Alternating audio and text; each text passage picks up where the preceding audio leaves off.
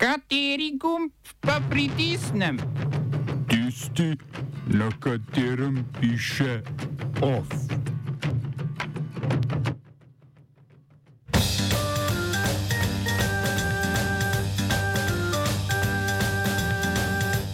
Svetovna banka zamrznila pomoč Afganistanu. Alžirija prekinila diplomatske stike z Marokom. Ameriško pravosodno ministrstvo dodelilo odškodnino Svetovni nogometni federaciji FIFA. Nemške železnice končale dvodnevno stavko.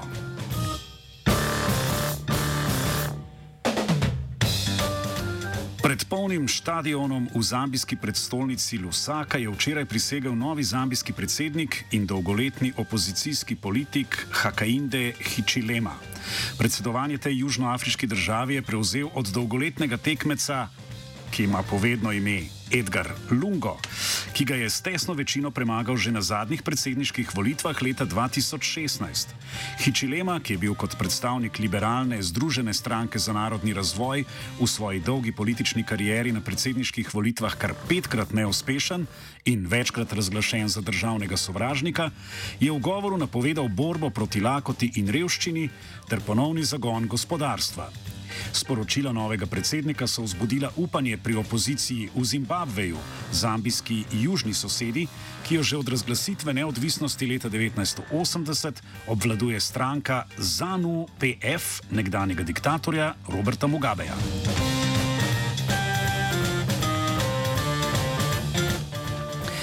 Alžirija je po včerajšnji napovedi zunanjega ministra Ramdana Lamamre, Lamamre danes prekinila diplomatske stike z Marokom.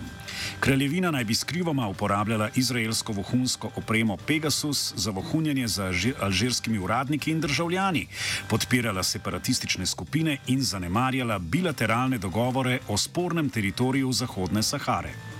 Alžirija je Maroko tudi obtožila odgovornosti za velike gozdne požare na območju Kabilija v začetku avgusta, ki so zahtevali 90 življenj.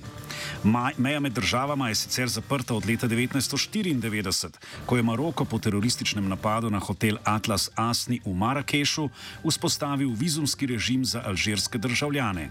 Diplomatske stike sta državi obnovili leta 1998 po izvolitvi alžirskega predsednika predsednika Abdelziza Buteflike, vizumski režim pa suspendirali leta 2004.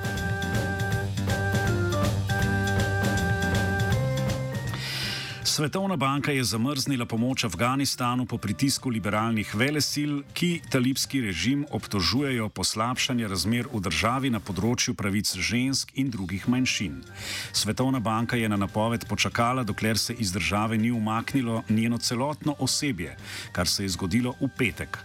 Banka se bo v prihodnosti o nadaljevanju pomoči odločala v posvetovanju z mednarodno skupnostjo, medtem pa bo pozorno spremljala in ocenjevala razmere.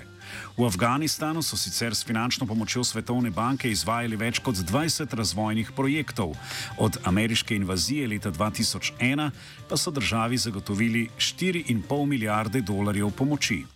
Že pred dnevi je zaradi nejasnosti, kdo sploh sestavlja afganistansko vlado, dostop do posojil ukinil tudi Mednarodni denarni sklad.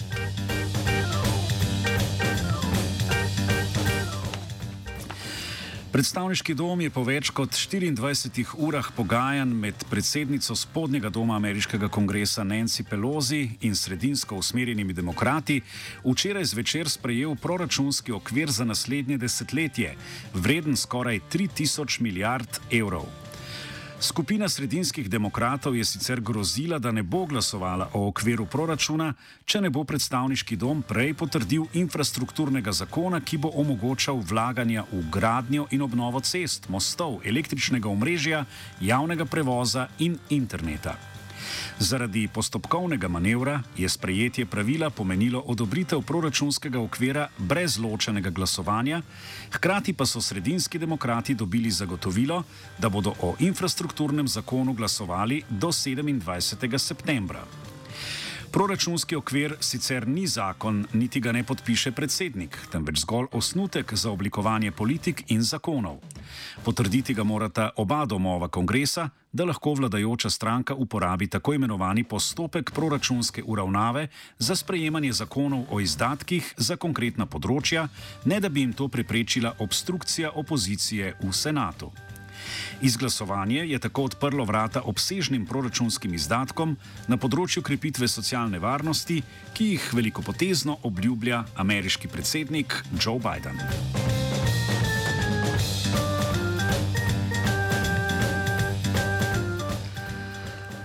Ameriško pravosodno ministrstvo je krovni svetovni nogometni federaciji FIFA dodelilo 171 milijonov evrov odškodnine zaradi nezakonitih dejavnosti nekdanjih najvišjih funkcionarjev organizacije, med njimi tudi nekdanjega prvega moža Sepa Blaterja.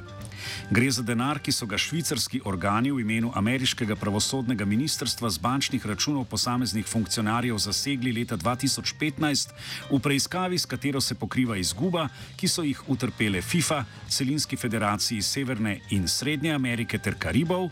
Krajše Konkacaf, ter Federacije Južne Amerike, krajše Konmebol kot žrtve desetletij organizirane korupcijske scheme v nogometu. FIFA je potrdila, da bo šel denar v nov svetovni sklad, ustanovljen za pomoč pri financiranju nogometnih projektov.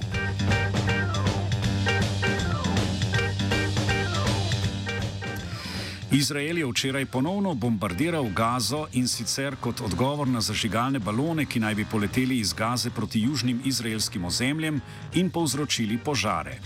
Palestinci naj bi z lansiranjem balonov želeli izzvati pritisk na Izrael, da bi ta omejil blokado okupiranega območja.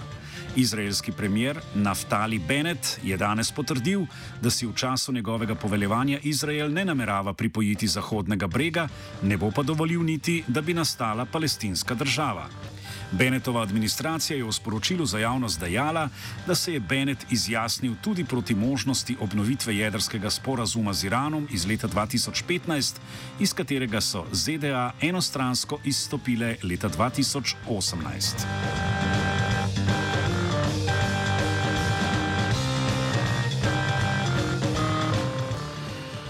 Opozorilna stavka, ki, jo, ki jo je v soboto sklical sindikat nemških strojevodij GDL in je v minulih dveh dneh povzročala nevšečnosti v železniškem prometu, je končana. Upravljalec nemških železnic Deutsche Bahn pričakuje, da se bo promet normaliziral čez dan.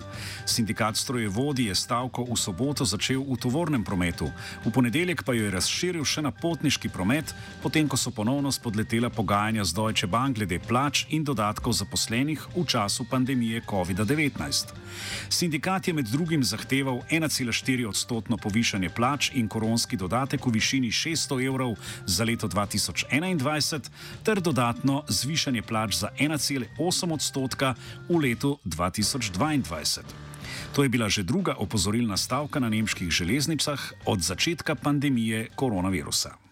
Oba, če, če bom odgovoril na angliški. Slovenija bo poskušala pomagati. Slovenija bo naredila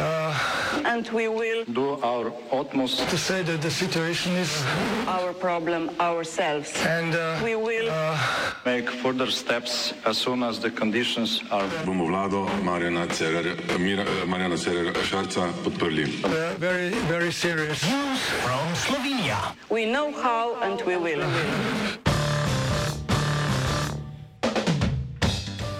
Kriminalistična policija naj bi danes zaradi tvita o svinjah in biserih zaslišala ministra za notranje zadeve Aleša Hojsa. Ta je odgovornost za to v včerajšnjem video soočenju z evropskim poslancem Klemnom Grošljem iz vrst LMŠ na spletnem portalu N1 pripisal nekdanjemu državnemu sekretarju za nacionalno varnost Damirju Crnčecu. Hojs je povedal, citiram, Očitno policija razume stvari tako kot gospod Grošelj oziroma stranka LMŠ. Če pa jih ne razume tako, pa dobi usmeritve strani te stranke, koga je potrebno blatiti, diskreditirati in na zadnje tudi zaslišati. Konec citata.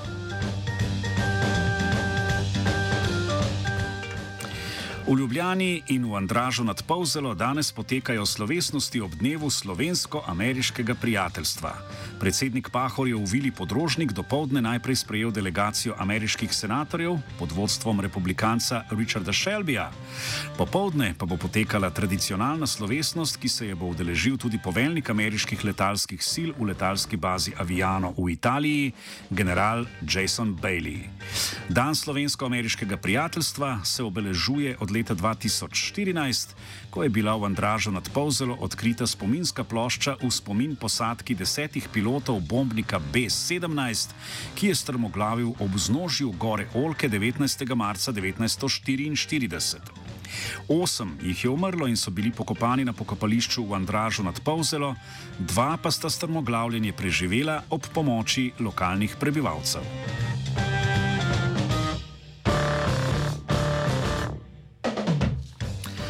OF je pripravil Dugi.